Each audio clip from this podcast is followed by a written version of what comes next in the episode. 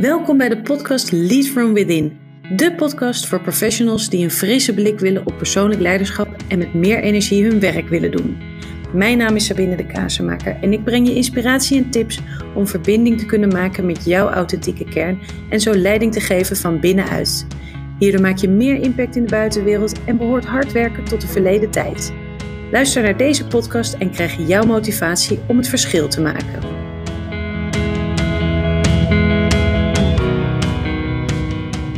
Welkom bij alweer een nieuwe aflevering van de Lead from Within podcast.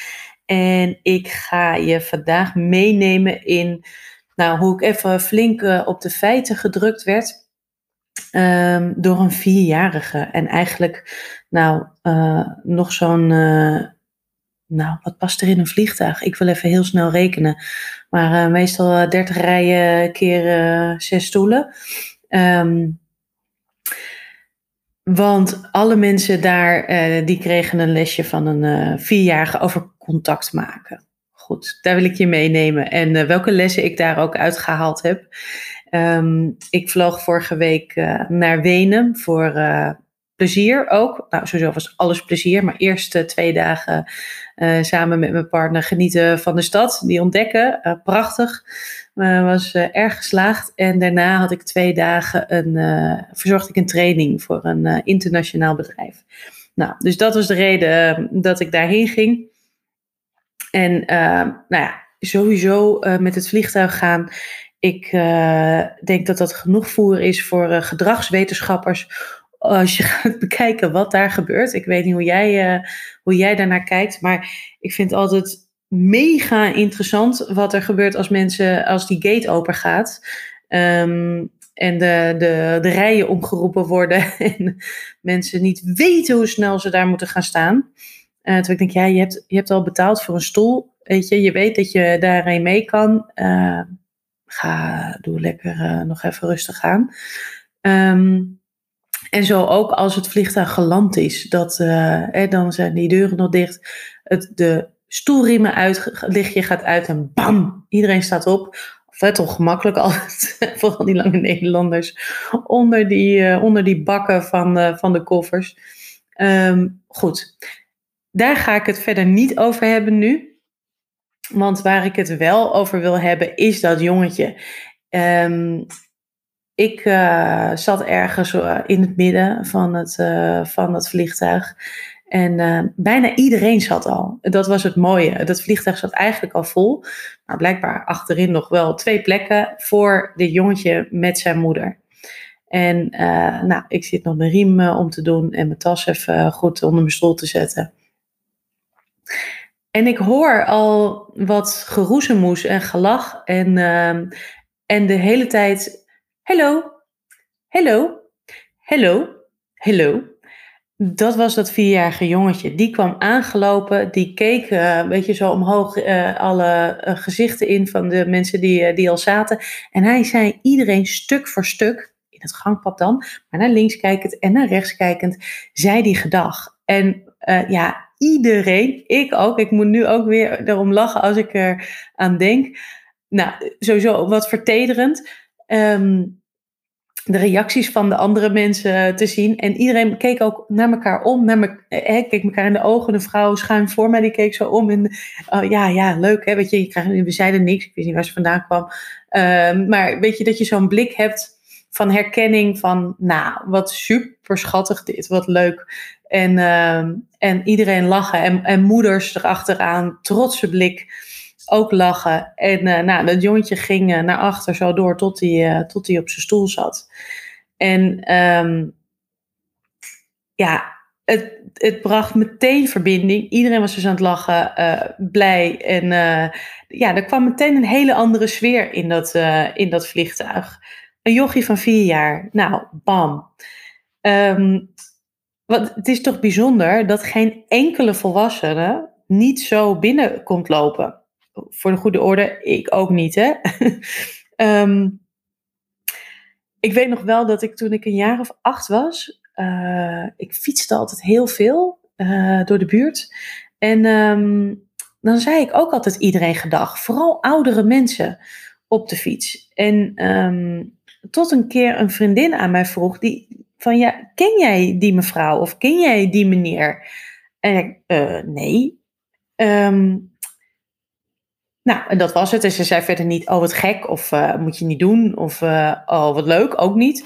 Maar daar, bleef het bij. En toen ben ik gaan denken, toen dacht ik, oh, maar is het dan zo, hè, die, die conclusie heb ik toen zelf getrokken, is het dan zo dat als je iemand niet kent, dat je dan dus geen gedag zegt? En toen ben ik daar dus mee gestopt. Um, en ik heb een, nou, niet een soortgelijke ervaring, maar wat ik ook als ik zo erover terugdenk. Toen ik in Amsterdam kwam wonen, ik ben opgegroeid in Horen, Noord-Holland. Um, uh, superleuk, maar als je een jaar of twintig bent, uh, ja, dan uh, wil je toch wel naar Amsterdam of een andere grotere stad.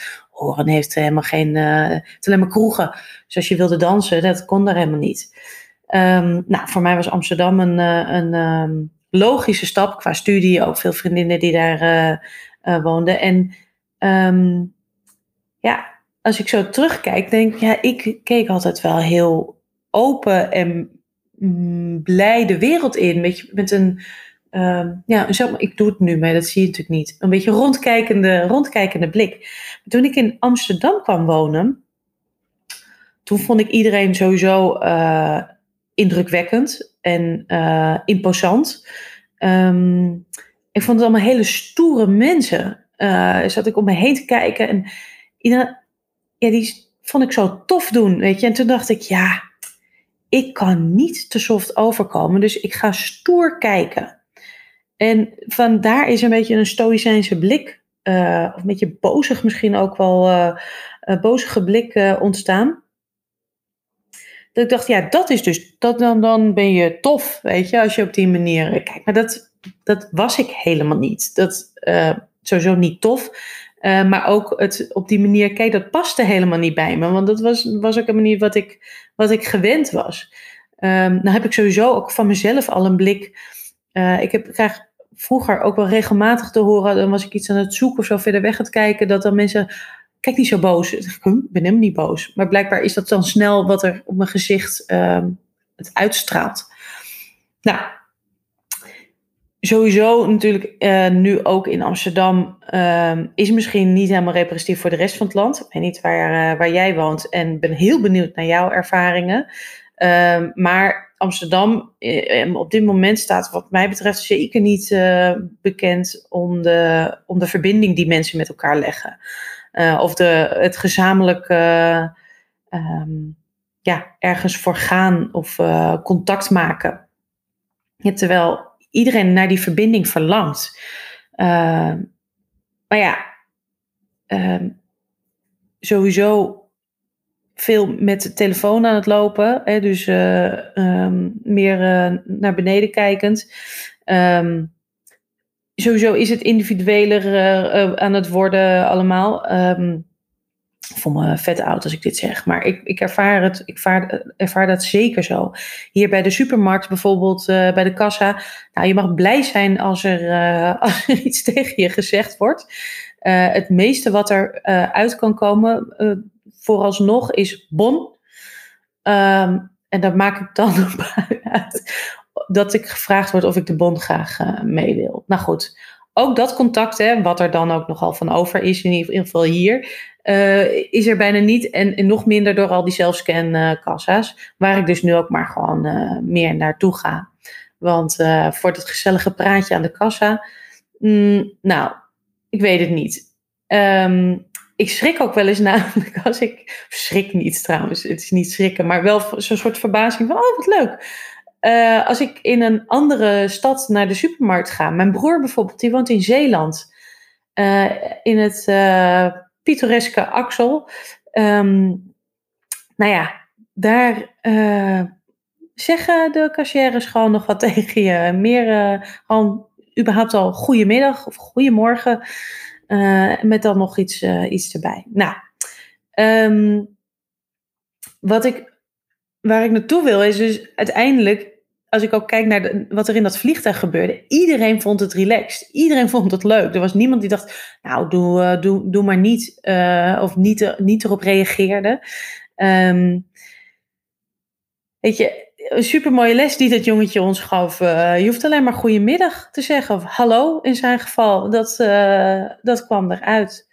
Um, nou, ik heb zelf. Um, probeer ik hier ook. Het, is, het zit ook niet meer in mijn natuur. Ja, ik denk van nature wel, maar bij mij zit er ook uh, door die ervaringen ook die ik, die ik net noemde uitgeslagen. Maar ik heb ook de andere kant um, weer ervaren. Toen ik een aantal jaar geleden heb ik een tiendaagse Vipassana gedaan. Ik wil er altijd retreat achter zeggen, maar retreat veronderstelt ontspanning, massages, yoga, weet je, dat soort lekkere dingen. Maar nou, dat was dit niet. dit was tien dagen lang, elf uur per dag mediteren en niet praten. Nou, kan je vertellen, dat doet iets met je.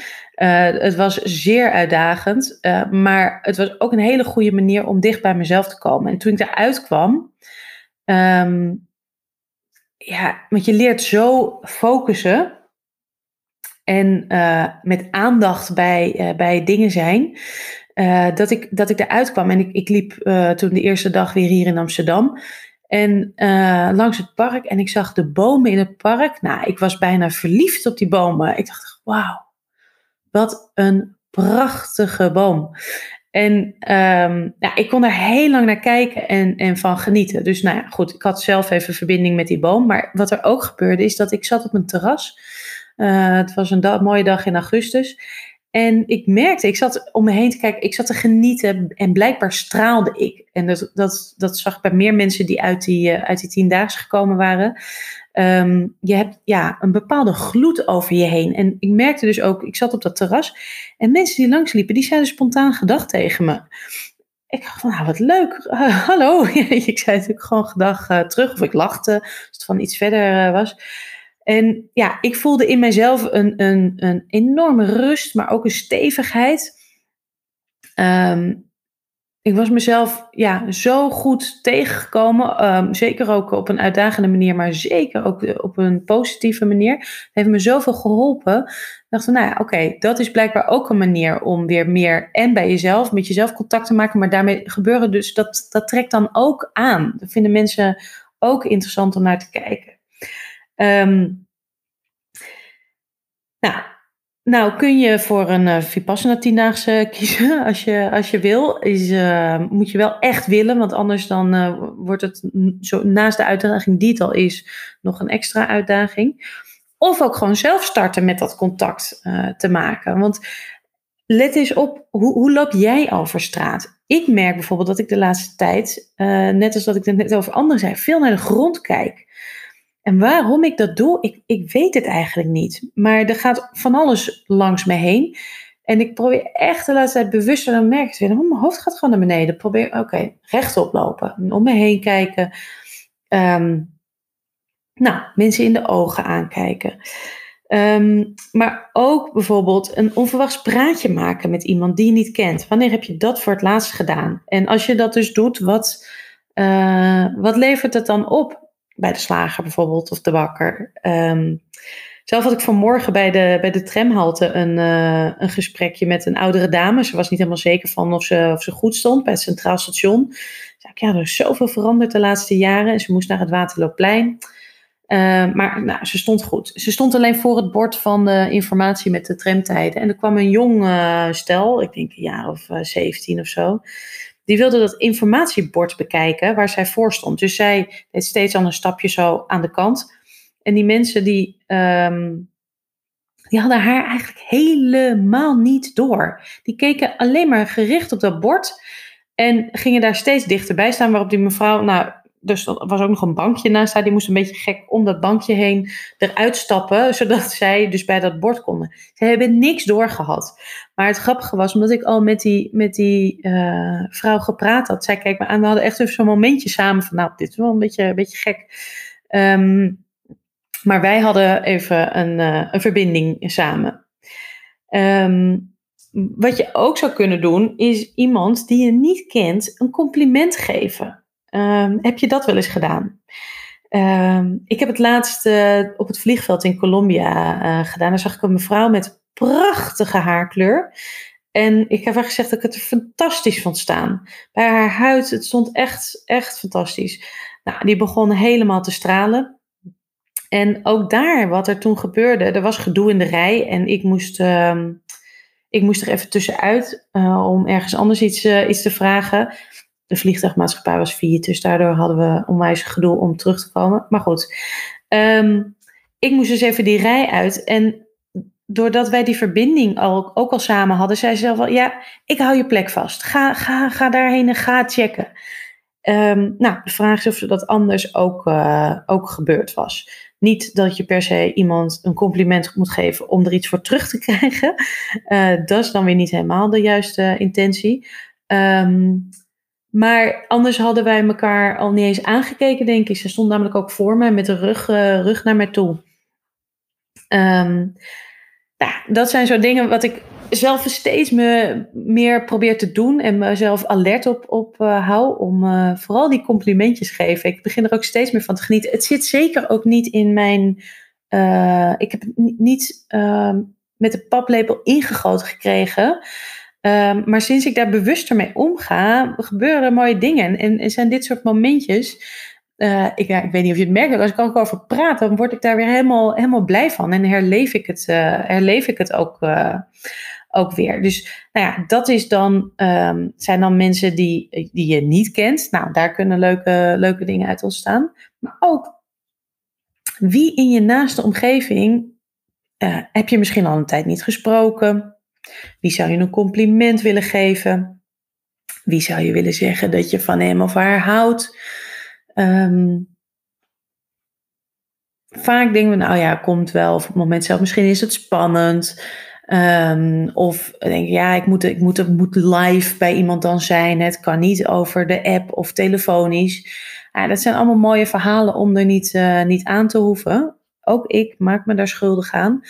Um, en, maar nogmaals, sinds ik daar bewuster mee omga en daar wel de tijd voor neem, en ook al is het via WhatsApp of ik, ik spreek dan een berichtje in, um, ja, hoe waardevol dat is. Dat je, um, nou, voor de ander ook om te horen, maar ook wat er tussen mij en die, en die ander ontstaat. Ja, liefde vooral wil ik zeggen. Want ik denk, ja, wat, wat ontstaat er dan? En ja, het is liefde voor elkaar en, en die verbinding voelen en het contact maken en weten dat je van iemand denkt of die waardering uitspreken. Um, en uiteindelijk vindt iedereen dat fijn om te horen. want er is soms ook iets van, nou ja, uh, vooral in Nederland, hè, nou hoef ik allemaal niet, compliment. Nou, heb ik niet nodig. Iedereen vindt het fijn. En natuurlijk is er een verschil of je het uh, van um, anderen nodig hebt om je lekker te voelen. Um, of dat je het ook uit jezelf kan halen. Hè? Dus daar, daar, uh, dan wordt het een, uh, in die eerste versie wordt het een ongezonde versie. Dan ben je afhankelijk van anderen om je lekker te voelen. Maar als jij je sowieso ook wel lekker voelt en dan nog eens een compliment krijgt over datgene um, van een ander. Nou, dat is een echt, dat is een dubbele bevestiging. Dat is heerlijk. Um, dus ja, wees daar ook niet, uh, straf jezelf er niet vanaf dat je, dat je behoefte hebt aan een compliment. Dat je dat fijn vindt om te horen. Want het is een extreem menselijke, menselijk verlangen.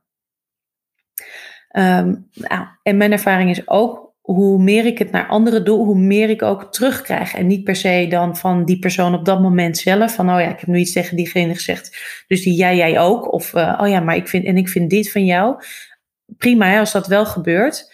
Maar dat is niet het doel waarmee ik het, uh, waarmee ik het zeg. En ik merk juist dus hoe meer ik het uit naar mensen, het ook van andere kanten, um, onverwachte mensen uh, naar me toe komt. En nou, ja, ik, ik ga er wel lekker op. ik denk wel, nou, daar wil ik wel meer van. Um, en ik gun het jou ook. Dus, um, nou, deze dit is wat ik je deze keer uh, mee wilde geven. Um, en laat het me vooral ook weten als je een succes te delen hebt daarin. Als je iets gedaan hebt, uit je comfortzone gestapt, wat daar uitgekomen is, welk resultaat het opgeleverd heeft en, uh, en hoe je het vond. Uh, vind ik alleen maar hartstikke leuk om te horen. Voor nu ook onwijs fijn weer dat je, dat je geluisterd hebt. Ehm, ik ben elke keer blij als ik uh, ook zie dat er mensen naar mijn podcast luisteren. Um, is indirect ook een, uh, ook een compliment. Dus dank je wel daarvoor. Voor nu wens ik je een hele fijne dag verder. En ik hoop dat je de volgende keer er ook weer bij bent.